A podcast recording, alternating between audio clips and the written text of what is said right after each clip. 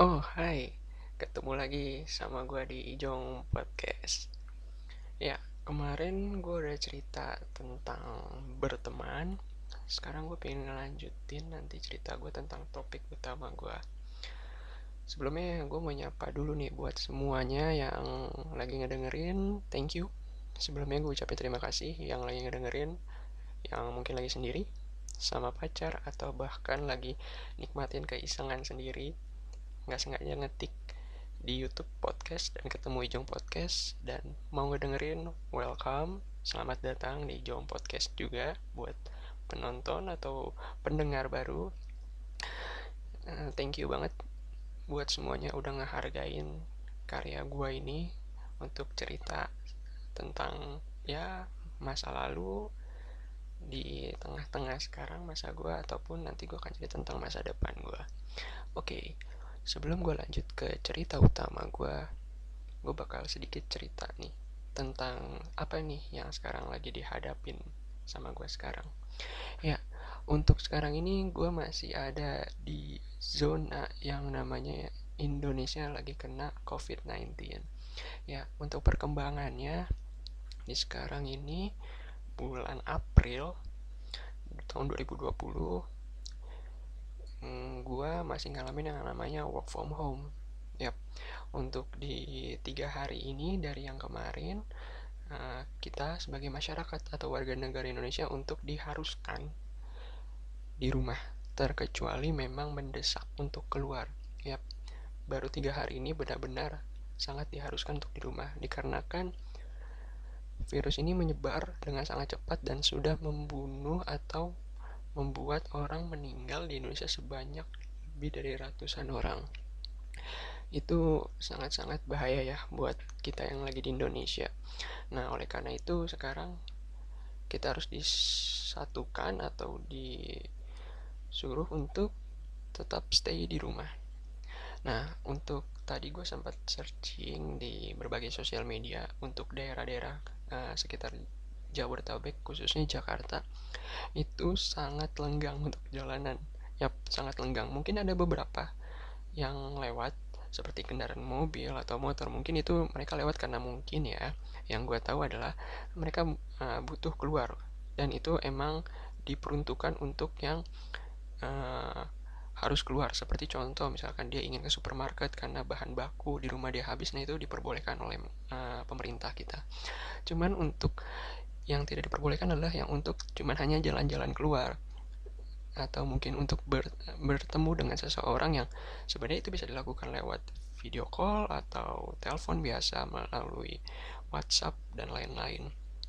Jadi itu dikhususkan sekali buat yang benar-benar memang harus keluar dari rumah untuk membeli bahan baku atau mungkin memang melakukan hal sesuatu something yang sangat dibutuhkan gitu dan tadi di daerah gue sendiri di Banten itu benar-benar sepi benar-benar sepi banget karena memang uh, orang juga takut ya keluar. Karena emang sudah ada kebijakan jika keluar dengan sembarangan tanpa ada hal yang pasti itu akan terkena uh, tindakan teguran. Yang lebih parah lagi akan terkena pidana. Nah oleh karena itu ya kita sebagai warga negara yang baik dan gue khususnya ya sebagai salah satu warga negara ya Indonesia itu ya harus patuh mau gimana pun keadaannya kita harus tetap patuh. Karena belum tentu yang kita lakukan nanti akan uh, berdampak lebih baik kalau kita keluar. Itu maksud gue kalau misalnya kita keluar kita belum tahu kan yang terjadi apa. Makanya itu kita tetap stay di rumah. Ya stay safe. Masih bisa kok kita ngelakuin hal di rumah dengan berbagai macam apa pun caranya. And then uh, gue tadi juga call teman-teman gue dan ternyata teman-teman gue juga di rumah. Bahkan pasangan gue pun juga di rumah gitu. Karena memang bahaya banget sekarang dampaknya itu. Virus ini lagi menyebar sangat pesat untuk di negara Indonesia. Yep, karena itu banyak sekali yang khawatir gitu. Nah untuk tadi ya uh, gue tadi sebenarnya niatnya pengen keluar pengen cari uh, makanan. Cuman kan karena memang itu nggak terlalu menurut gue perspektif gue sendiri. Itu nggak terlalu penting karena masih bisa kita memesan lewat online uh, delivery makanan atau pengantarannya lebih mudah jadi itu no problem sih jadi masih bisa menurut gue untuk dihandle oleh online gitu loh delivery atau pengirimannya yep Oke, uh, kita lanjut ke topik utama gue kali ini. Topik utama gue berbeda dari sebelum-sebelumnya. Kalau kemarin tentang gue ngekos, terus kemudian ada tentang gue berteman. Sekarang gue mau ngejelasin tentang secret admirer atau bisa dibilang sebagai pengagum rahasia. Mungkin kalian semua sempatlah merasakan itu. Oke, gue gak usah lama-lama ya. Takutnya kalian jenuh ngedengerin gue untuk yang bahasa-bahasa ini. Kita langsung aja ke Ijong Podcast tentang pemuja atau pengagum rahasia. Stay tune di Ijong Podcast.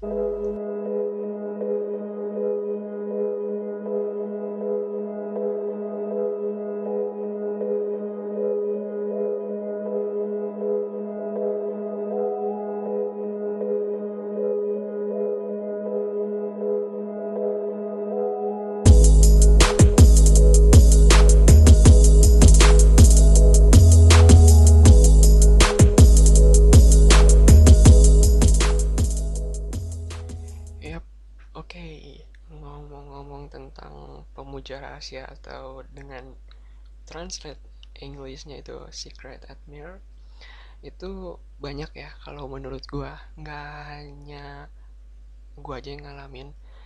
Gue bisa memberikan sebuah cerita bahwa nggak hanya diri gue karena di dunia ini atau bahkan khususnya di bumi pasti di belahan mana pun negara mana pun pasti ada yang pernah ngalamin pastinya itu mau entah itu pria ataupun wanita itu pasti pasti akan pernah ngalamin hal tersebut.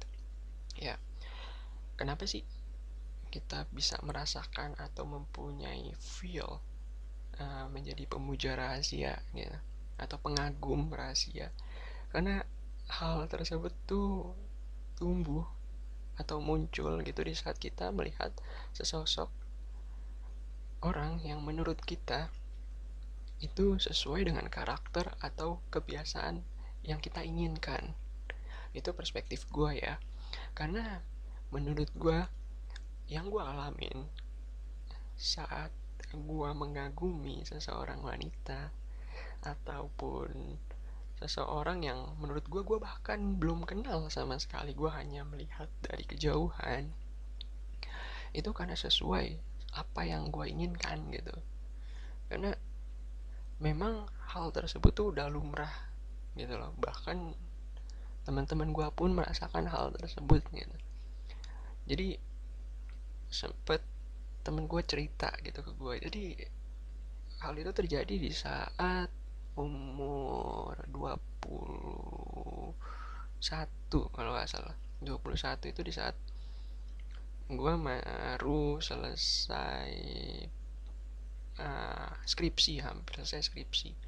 Jadi ada teman gue dalam satu tempat skripsi itu laki-laki ya. Dia menyukai uh, salah seseorang yang dia ikut skripsi di jurusan gue cuman karena kita belum kenal orang ini karena uh, si perempuan atau wanita ini dia baru pindahan.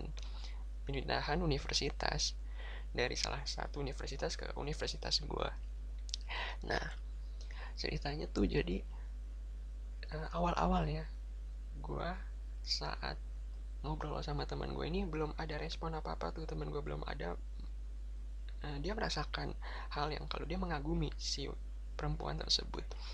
Awalnya gue juga nggak terlalu nanggepin ya kan tapi lama kelamaan hal itu terungkap gitu dari yang saat gue ngobrol sama dia di sebuah lab dan ada wanita itu lewat di depan lab gue itu temen gue itu bener-bener nggak fokus bener-bener sampai nggak fokus saat gue ngomong nerangin apa yang harus dilakuin di saat nanti sidang skripsi.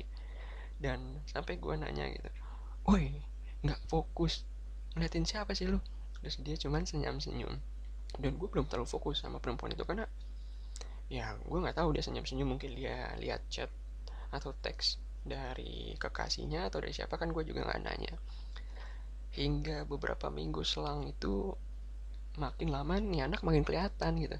Kenapa nih orang kok makin nggak fokus gitu sampai akhirnya di saat kita satu tempat saat itu satu tempat dikumpulkan untuk diajak briefing sama dosen pembimbing kita. Nah di situ gue ngeliat gue kan datang bersama teman gue nih yang suka sama wanita atau perempuan tersebut. Sebut saya temen gue namanya Raffi. Yap. Temen gue ini si Raffi ini emang menyukai seseorang ini gitu loh. Nah pas gue ditanya Vi lu suka sama dia? Terus dia cuma diam gitu. Enggak biasa aja gitu kan. Terus pas gue tanya gitu tapi gue ngeliat kayak gelagat atau karakteristik lu kayak menyukai enggak lah biasa aja dan sampai akhirnya dia mau mengungkapkan sendiri ya ini salah satunya yang gue bisa kasih sebut sama lo atau bisa gue ceritain kenapa seseorang itu tidak bisa memendam rasa perasaannya sendiri dan dia harus menceritakan ke orang lain. Karena berat sumpah berat bray jadi pemuja rahasia tuh berat sumpah itu sakit banget. Sama seperti lu LDR long distance relationship atau membangun hubungan jarak jauh. Pengagum rahasia itu juga berat. Kalau mau tahu itu butuh hati yang kuat. Kalau gue bilang ya ya jadi kayak misalkan waktu itu case atau uh, kasusnya adalah seperti ini.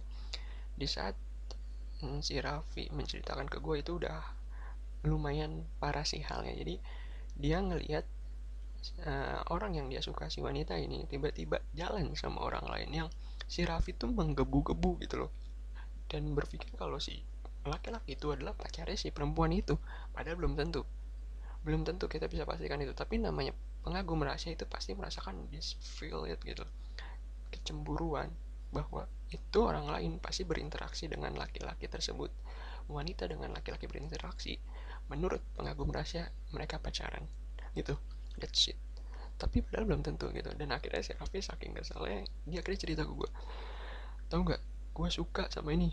Terus gue ketawa di situ sumpah gue ketawa terus dia ngomong kenapa lu ketawa? Terus gue bilang gue udah bilang Vi dari awal kalau lu emang suka sama dia gue udah ngeliat dari gelagat lu. Terus Raffi cuman ketawa senyum gitu.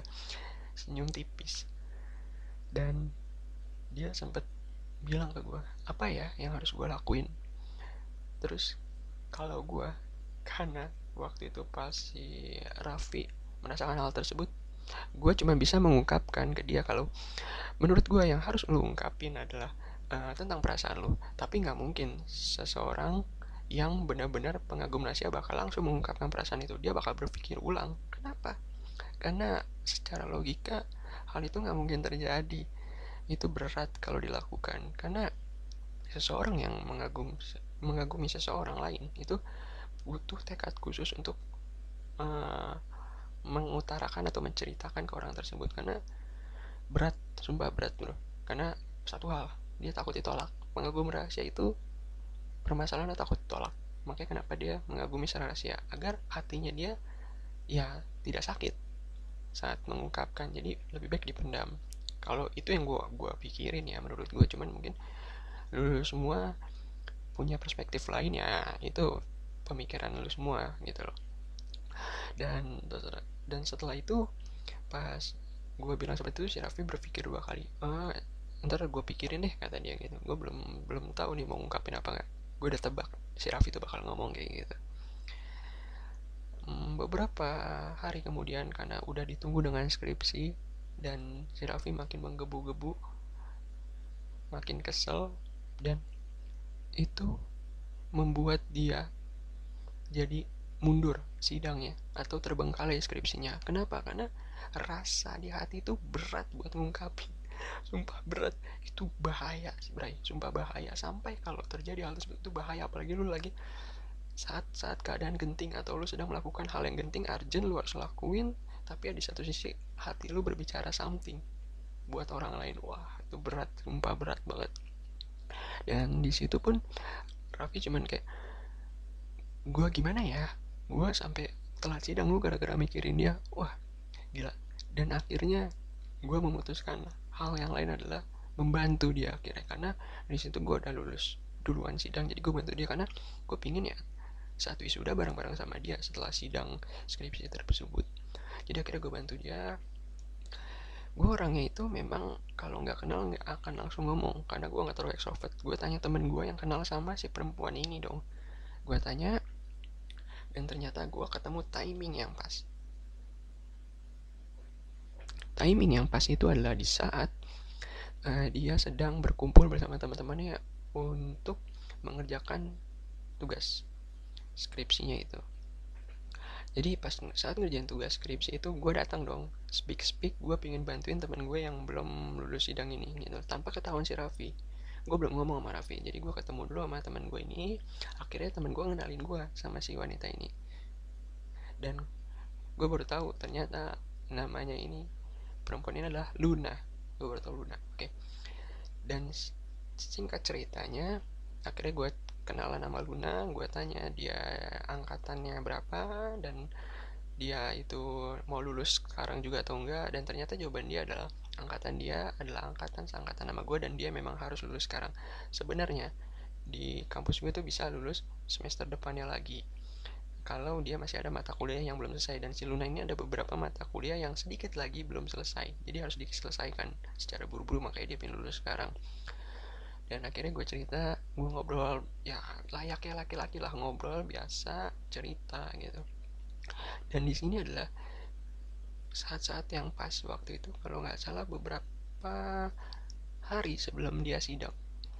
Gue tanya di situ lu lu mau sidang ya? Terus dia jawab iya gue mau sidang. Oke okay, lu mau sidang berarti lu udah siap dong apa yang lu lakuin. Terus dia bilang iya nih gue cemas apa ya maksudnya? Nah di sini timingnya pas gue buat bantuin dia. Jadi di saat gue oh ya udah lu gini aja lu bikin ini ini ini terus itu gue uh, bantuin dia di saat di lab. Dan akhirnya gue berdua sama dia tuh pulang malam dari lab. Seenggaknya waktu itu tuh kalau nggak salah ya seingat gue tuh jam setengah sembilan malam dari kampus gue otomatis dia pulang malam dong. Ya nggak sih? Perempuan pulang malam itu nggak mungkin sendiri. Dan dia akhirnya gue bantuin buat nganter ke kosannya. Dan selama di ko selama jalan ke kosan itu gue bercerita sama dia. Lun gue sempet ngeliat lu lagi jalan sama cowok tuh speak speak kan gunanya. Itu teman lu ya speak speak gitu. Dan akhirnya dia jawab seorang perempuan pasti kalau ditanya gitu pasti akan berpikir sekali dua kali tapi habis itu langsung jawab dan dia jawab enggak kok dia teman gue oh teman oke okay. kalau dia teman lu. Dan itu lu udah kenal lama sama dia? Eh udah kenal lama sih cuman dia cuma punya temen doang gitu katanya lu. Udah dia lagi juga udah punya cewek kok. Oh udah punya cewek? Kira gue belum. Gitu gue sambil ketawa-tawa sama dia. Dia ngomong iya udahlah ya kali. Nah di sini timing yang pas buat ngomong ke si Raffi. Gue tahan dulu omongan Luna sampai di situ karena gue pengen tahu dulu uh, ekspresi Raffi saat mengetahui ini apa. Dan akhirnya gue nganterin pulang si Luna ke kosan dan gue balik lagi ke kosan gue yep besoknya pas kali gue ketemu sama Raffi Raffi lagi main ke kampus kan dan di situ gue lagi uh, ngumpulin beberapa berkas-berkas untuk uh, penyelesaian akhir uh, skripsi gue gue cerita sama Raffi Vi ternyata namanya itu Luna. Terus dia dengan tersontak sontak dong Bray. Kaget dengar cerita itu gitu. Anjir lu tau dari mana? Siapa lu kan ngasih tau gue terus gue ngomong eh kalau gue ngasih tau lu ini bakal hancur lu tahu kan orang pengagum kayak lu tuh wah susah Vi gue tau banget terus dia cuman ketawa-tawa dan akhirnya gue ceritain ke dia. Jadi gini Vi itu temennya Luna gitu loh bukan pacarnya. Jadi temennya Luna cowok ini udah punya pacar kok. Oh dan itu Raffi tenang banget. Terus gue nyaranin dia buat Vi lu ngerjain skripsi lu deh biar bisa selesai bareng sama dia. Soalnya dia soalnya juga mau sekarang nyelesain si skripsinya itu gitu loh. Setelah hal tersebut akhirnya Raffi pun berlanjut ngerjain skripsinya dia. Nah pas saat dia ngerjain skripsi itu gue ngasih momen penting ke Raffi adalah dengan cara ya dia main ke lab. Ya main ke lab di satu tempat sama Luna biar dia bisa ngobrol. Dan akhirnya Raffi mau. Singkat cerita akhirnya gue mempertemukan Raffi dengan si Luna ini. Asik ngepas dong waktunya kan. Akhirnya momen yang ditunggu Raffi itu ngepas gitu. Dan akhirnya Raffi pun ketemu dengan Luna. Kemudian gue menceritakan ke Luna ini teman gue Raffi. Dan akhirnya pun Raffi kenalan sama Luna. Setelah selesai kenalan itu gue cuma bicara satu kata waktu itu ke Raffi. Lu lanjutin gitu ya. Karena kalau menurut gue gue udah berusaha buat bantuin teman gue dan aku akhirnya dia ngelanjutin karena harus banget lah masa ya gue teruskan. Dan endingnya adalah setelah mereka melakukan uh, perkenalan conversation selama berminggu-minggu dan akhirnya mereka bisa sidang akhirnya mereka berpacaran. Itu salah satu contoh kasus yang menurut gue friends with benefit ya. Yang bener loh ini friends with benefit yang benar ya jadi mereka berpacaran akhirnya. And then yang gue tahu sih sampai sekarang itu yang gue tahu. Selanjutnya sih gue kurang tahu ya kayak gimana nah itu salah satu hal keceriaan lah dari teman-teman gue oke kemudian kalau mungkin lu bertanya ya itu kan cerita temen lu ya bang. Cerita lu gimana sih? Ada gak sih bang lu punya atau memiliki perasaan ya mengagumi seseorang wanita gitu? Oke gue bakal ceritain ke lo cerita ini gue mulai mungkin di saat gue SMA dulu. Gue ada dua cerita sebenarnya. Yaitu pas SMA sama kuliah. Gue mulai yang di SMA dulu. Jadi yang di SMA ini gue suka sama seseorang. Ya gue ngagumin seseorang itu waktu pas pertama kali gue mos. Pertama kali gue mos.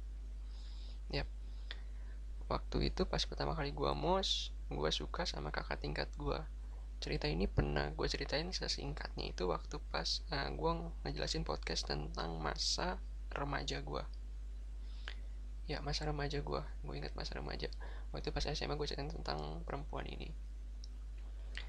Ya si perempuan ini gue kagumin karena menurut gue dia sesuai apa yang gue pikirin gitu. Sesuai sama yang karakter yang gue pingin itu ya pas dia perempuan bukan laki-laki anjir ya terus si perempuan ini tuh putih. Hmm, cantik. Baik. Terus pendiam orangnya nggak banyak ngomong. Terus kemudian rambutnya lumayan pendek sebahu.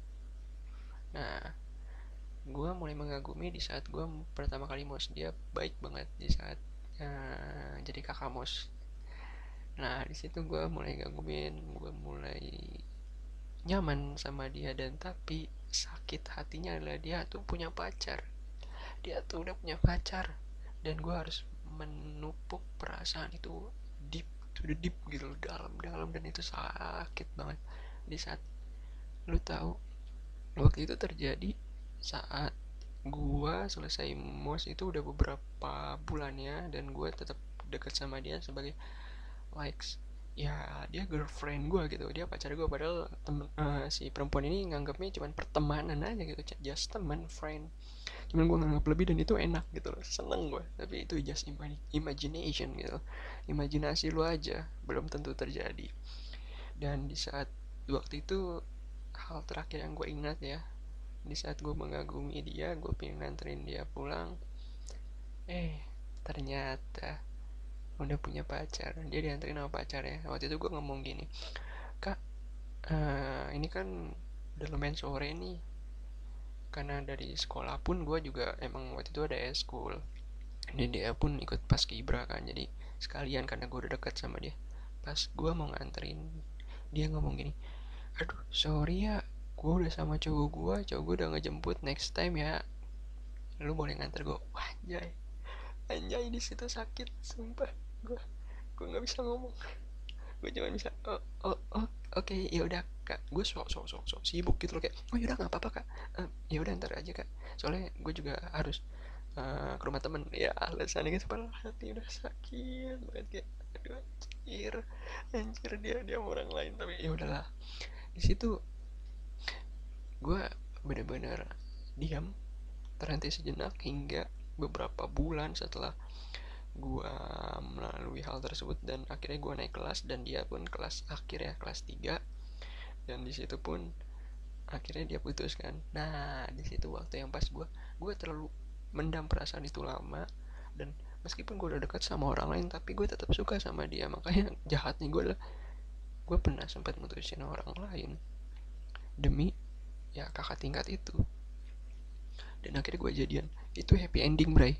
Itu happy ending dan akhirnya gue selesai gitu loh happy ending gue di situ. Itu SMA dan kali ini gue ceritain tentang gue yang kuliah.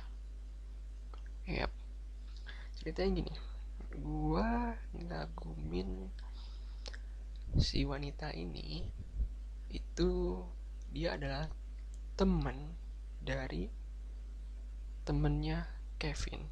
Ya kalau lu tau Kevin gue pernah jelasin tentang Kevin di podcast berteman. Itu ada cerita tentang Kevin. Jadi si wanita ini gue kenal dari temannya Kevin. Karena gue sering nginep, nginep sorry nginep di kawasannya Kevin. Nah otomatis gue sering main dong ke kampusnya Kevin. Nah pas gue lagi main ke kampusnya Kevin ketemu temannya Kevin lagi ngobrol santai di uh, gedungnya dia dan akhirnya gue ketemu sama perempuan itu. Sumpah perempuan itu gue ketemu. Orangnya putih. Rambutnya lumayan panjang. Hmm, cantik. Baik. Senyumnya manis. Itu yang gue suka. Dan kalau kali ini dia orangnya pemalu. Nggak terlalu banyak ngomong dan banyak banget. Gue pingin banget buat ngobrol. Cuman hati nggak bisa mengutarakan hal tersebut. Paling gue cuman senyum gitu. Dan lu tau nggak waktu itu ada saat gue bertemu sama si perempuan ini. Jadi si perempuan ini lagi ngumpul sama temannya Kevin. Gue sama Kevin datang ke situ. Dalam rangka emang lagi makan-makan setelah pulang kampus. Dan gue waktu itu lagi nggak kampus libur. Jadi gue main ke kawasan Kevin. Ya pas main di kawasan Kevin gue diajak sama Kevin buat ke kampusnya buat acara makan-makan. Pas lagi acara makan-makan ada dia dong. What the fuck? Gue ketemu dia. Dan gue cuman pas salam salaman gue salaman sama dia wajir perasaan itu gemeter sekali bray. Sumpah gue sampai gemeter sekarang juga. Gue bener-bener gemeter banget itu. Susah buat diungkapin. Cuman yang harus gue lakuin adalah gue tetap stay cool just stay cool yang harus lo lakuin. Gue stay cool gue speak speak kayak mm, I don't care. Gue nggak peduli dengan siapa pun di sini jadi speak speak dan gue kenalan nama dan dia nyebutin nama dia Ami. Gue kasih nama ininya aja ya inisial dia Ami. Jadi si Ami ini dia ngobrol sama gue gitu loh. Ya kalau misalnya dari dengan sekarang ya udah ya maaf ya Mi. Ini waktu dulu loh bukan sekarang. Nah jadi menurut gue kenalan sama dia awalnya biasa-biasa gitu. Sampai akhirnya menupuk rasa kagum tuh makin membesar gitu. Gue speak speak pulang kuliah itu gue speak speak main ke kampusnya Kevin. Padahal Kevin ngomong lu ngapain ke sini? Ke, ke, ke kampus udah di kosan aja. Kosan gue kita main PS gitu. Gue nggak bisa. Gue karena gue ada hal yang gue tutupin di situ dan gue nggak ngomong ke Kevin.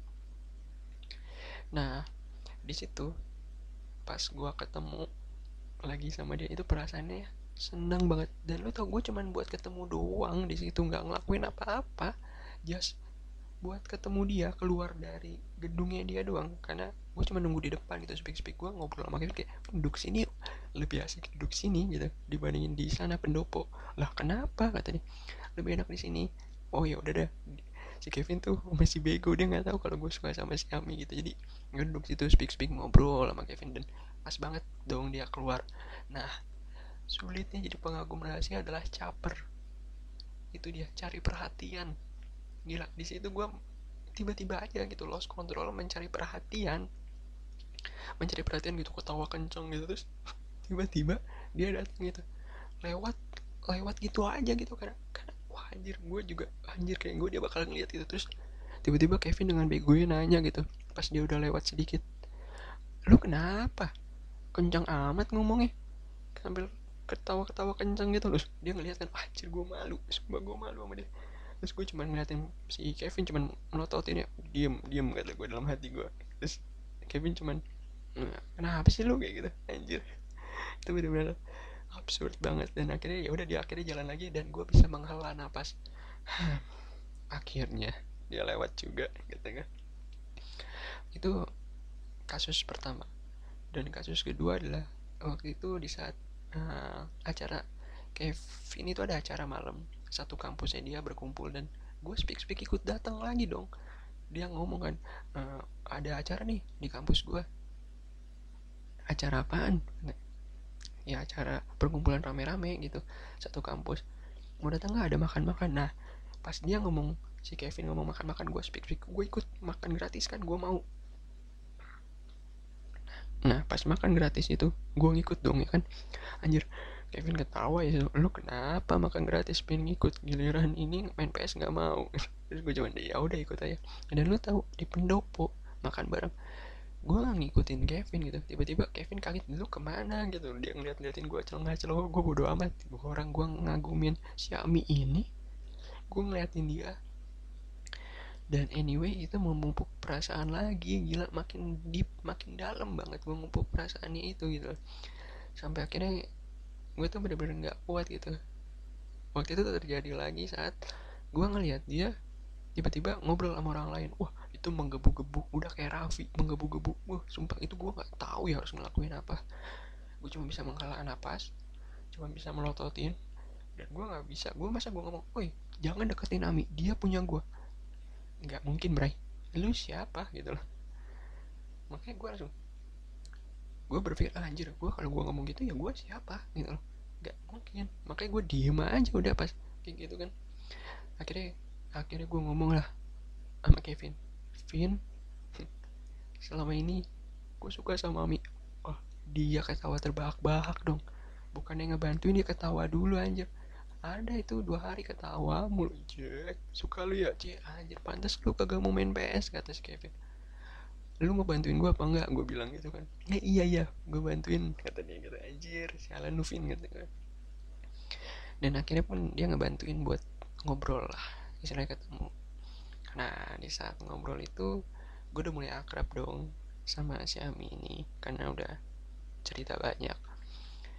Dan pas gue cerita sama si Ami ini hmm, gue menceritakan tentang kisah-kisah gue dan dia juga menceritakan tentang kisah-kisah dia dan berakhir waktu itu adalah lewat uh, chat online. Gue minta nomor dia gue chat online. Kalau nggak salah waktu itu masih zaman yang lain. Gue cerita cerita di lain ngobrol sama dia. Dan bahkan pun itu gue waktu pas nggak ketemu sama Kevin di kampus gue senyum senyum sendiri bro. Senyum senyum sendiri ngelihat chatnya itu aja padahal kayak biasa aja gitu. Dan dia tuh kayak gue misalkan ngobrol sama dia uh, pagi mi dia juga jawab pagi kayak gue kayak ngerasa dia tuh ngehargain. Padahal itu biasa aja. Menurut dia itu biasa aja gitu tapi gue ngerasa itu ngehargain gitu loh kayak wah dia suka sama gue nih gue juga wah mantap mantap gitu. Makin seneng gitu dan makin menggebu-gebu gue dan sampai akhirnya waktu itu gue inget gue ngajak dia nonton kalau nggak salah. Seingat gue ya gue ngajak dia nonton terus gue bilang malam ini uh, kira-kira sibuk gak terus dia ngomong enggak kok kenapa? Gitu nonton yuk. Oh ya udah deh kita nonton kata dia gitu soalnya dia nggak sibuk banget. Dan itu awalnya tiba-tiba file nggak terjadi nonton. Kenapa tiba-tiba dia ada tugas kampus? Sorry ya katanya. Aku nggak bisa nonton. Terus gue bilang kenapa nggak bisa nonton? Ya ada acara kampus nih ada tugas juga. Wanjir hopeless gue di situ. Tapi gue nggak mau nyerah dong Bray. Udah kalah udah ter udah kabut gitu udah kadung banget kalau dibilang. Ya udah akhirnya beberapa minggu gue coba lagi file lagi. Dia banyak acara. Memang si Ami ini acaranya banyak banget. Dan dia emang lumayan jadi hmm, prima dona lah di jurusannya. Karena emang cantik banyak yang suka. Bahkan bukan gue aja di situ gue gua akuin bukan gue aja yakin gue dan singkat cerita akhirnya minggu keberapa pun ketiga kalinya gue bisa nonton sama dia dan ini nggak fail. Dan ini bener-bener gue harus siap gitu dan lu tahu di saat gue udah bisa bareng sama dia jalan berdua dan kemudian pas jalan itu nyampe di sebuah mall gue nonton. Seru gak nonton ya kan film. Gue lupa filmnya apa kayak nonton. Dan lu tahu anjir gue kayak sial gitu loh. Lu tau gak sih tiba-tiba dia di chat sama orang tuanya udah malam sudah pulang. Anjir itu film setengah pun juga belum kayaknya anjir. Baru awalan doang terus dia tiba-tiba ngechat terus diem. Seolah-olah dia pingin ngasih tau gue gue nggak boleh pulang malam dan akhirnya gue peka dong. Kenapa mi? Chat dari orang tua ya. Terus dia cuman senyum. Terus gue ngomong ya udah balik yuk. Gue bilang gitu kan. Terus dia bilang jangan nggak enak. Filmnya baru mulai terus kamu juga baru katanya udah nggak apa-apa pulang aja yuk nggak enak sama orang tua kamu gue bilang gitu kan.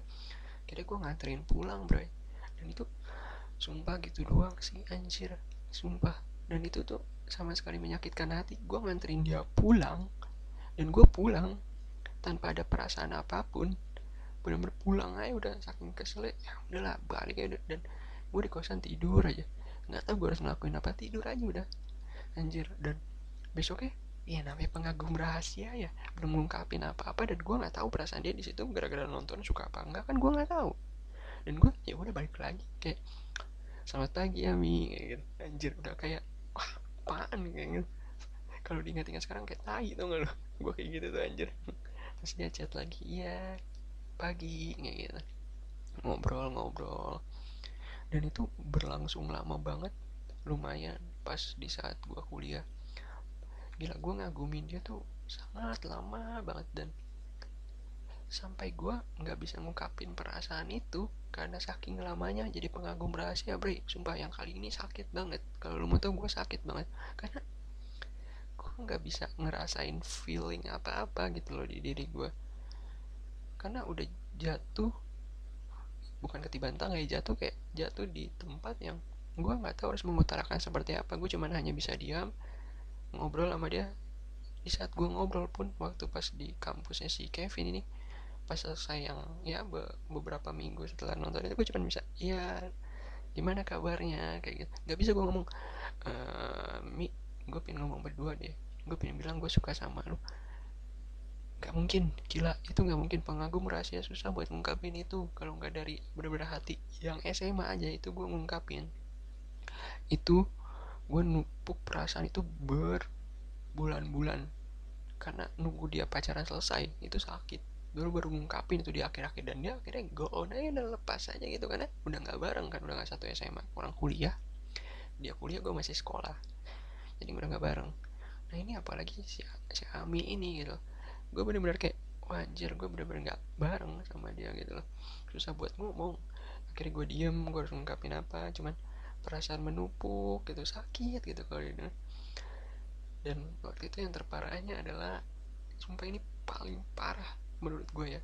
Jadi di saat itu pas banget ulang tahunnya dia. Dan itu pun gue nggak tahu dia ulang tahun. Gue dikasih tahu sama si Kevin gitu loh. Dan dia pun mungkin nggak berharap apa-apa gue berikan. Dan akhirnya gue tahu itu pun dari Kevin soalnya gue nggak bisa ngeliat kontaknya dia di sosial media karena di private semua.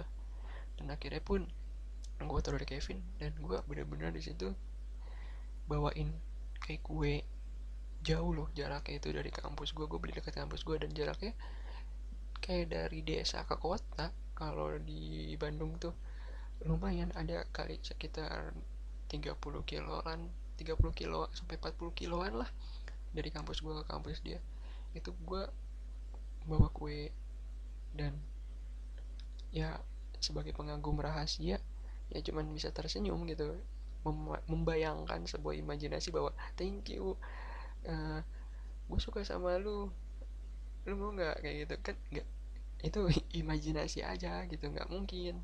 Dan akhirnya pun gue ketemu kan sama dia gue ucapin happy birthday ya mi nah semoga panjang umur bla bla bla bla so-so baik gitu. Padahal di belakangnya udah banyak ngantri cowok-cowok lain pengen ngasih kue sama hadiah. Anjir anjir. Terus di saat itu pas gue mau ngasih kue gue tahan dulu gue cuman ngucapin happy birthday. Gue biarin yang cowok lain dulu buat ngasih biar gue jadi jadi cowok the last man gitu loh. Cowok yang bisa memberikan yang terbaik gitu. The last. Dan akhirnya gue dapet kesempatan the last itu jadi di saat kesempatan belas itu dia udah sempat mau balikan udah sore. Dan gue sama si Kevin tuh lagi di kantin terus Kevin ngomong buru lu kasih tuh kue anjir. Daripada meleleh tuh kue. Terus akhirnya makin lama gue kasih dong kuenya. Gue ketemu sambil lari gitu dari kantin ke pendopo. Karena dia lagi duduk di pendopo. Ami bentar Ami eh iya ada apa? Kata dia. E, ini uh, mau ngasih ini aku ya ampun kamu repot banget kata dia gitu. Terus kirain kamu mau ngasih dari tadi. Terus gue udah mati what the fuck? Gue nggak mungkin ngasih dari tadi. Banyak cowok lain gue akan jadi the last man dan, kan dan gak akan diingat sama lu. Gue bilang dalam hati gue gitu gitu. Dan ya udah gue cuma senyum iya buat Ami gitu. Maaf ya telat soalnya baru datang kuenya. Tadi buru-buru ngambilnya speak speak ya salah cowok banyak kan speak gitu biar bisa diterima. Dan lu tau nggak jawaban dia apa? Uh, oh iya makasih ya repotin ya udah ya balik dulu. Soalnya udah malam. Wanjay gue langsung apa? Lu balik gitu aja? Gue udah ngasih something dan apa kek? Gitu seenggaknya lu makan kue itu. Uh, ya udahlah gue cuma bisa hanya terdiam terlepas dan itu tuh pun berlanjut hingga gue semester dua ketiga gitu. Dan lu tau gak jadi pengagum rahasia tuh berat gitu. Sampai akhirnya gue bisa menerima kenyataan gitu loh. Bahwa ternyata selama ini dia belum bisa pacaran. Wajir Berbulan-bulan gua ngejar Bahkan dari Dari Ya semenjak gua tempat di Kevin ngekos Sampai waktu itu semester 4 Semester 4 tuh gue ngerasa kayak hopeless Pas dikasih tahu gitu sama Kevin. Sorry ya gue baru tahu info nih tapi lu jangan marah ya dia ngomong gitu si Kevin ke gue ada apaan sih? Lu tetap masih suka sama Mami terus gue ngomong ya iyalah ada apa sih emang lu harus tahu jawabannya kata dia.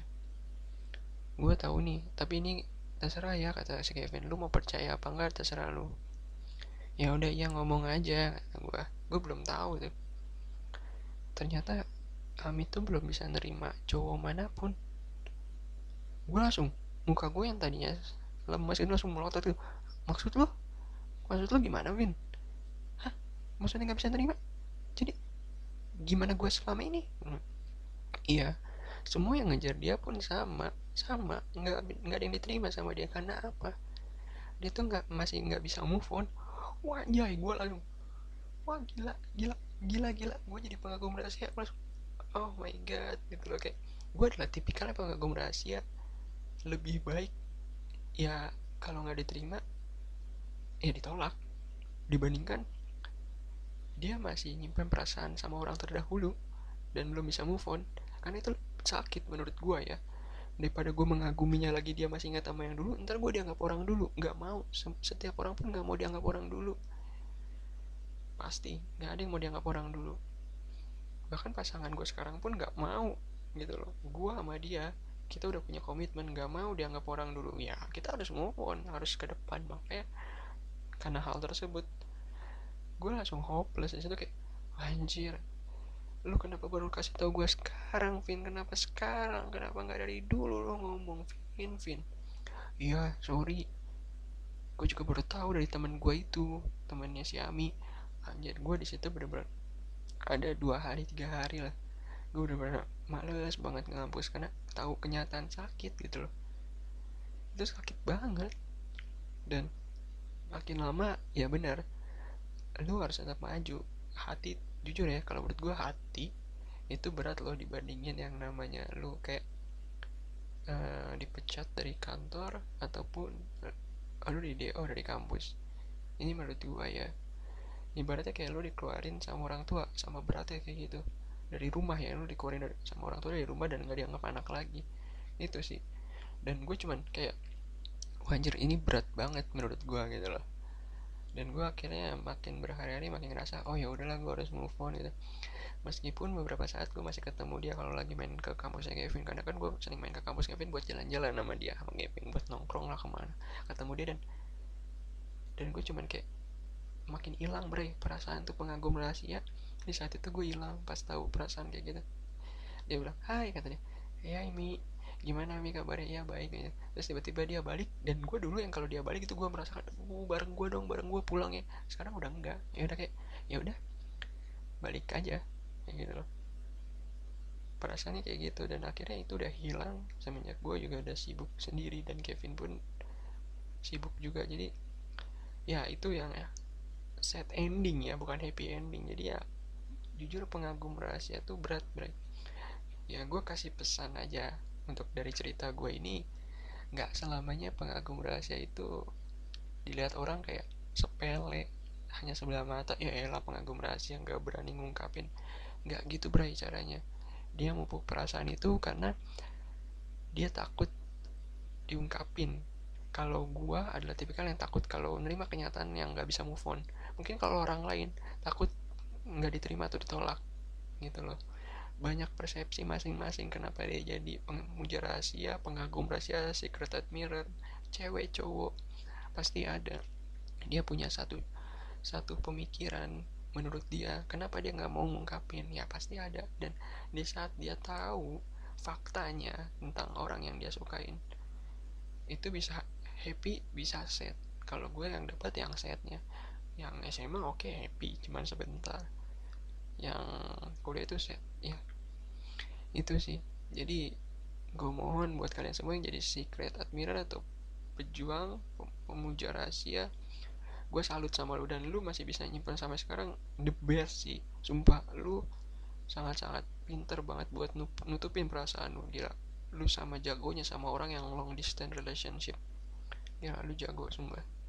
Dan gue jujur lu is the best deh dan lu tetap keep fight di situ wow gue bakal kalah gitu di situ.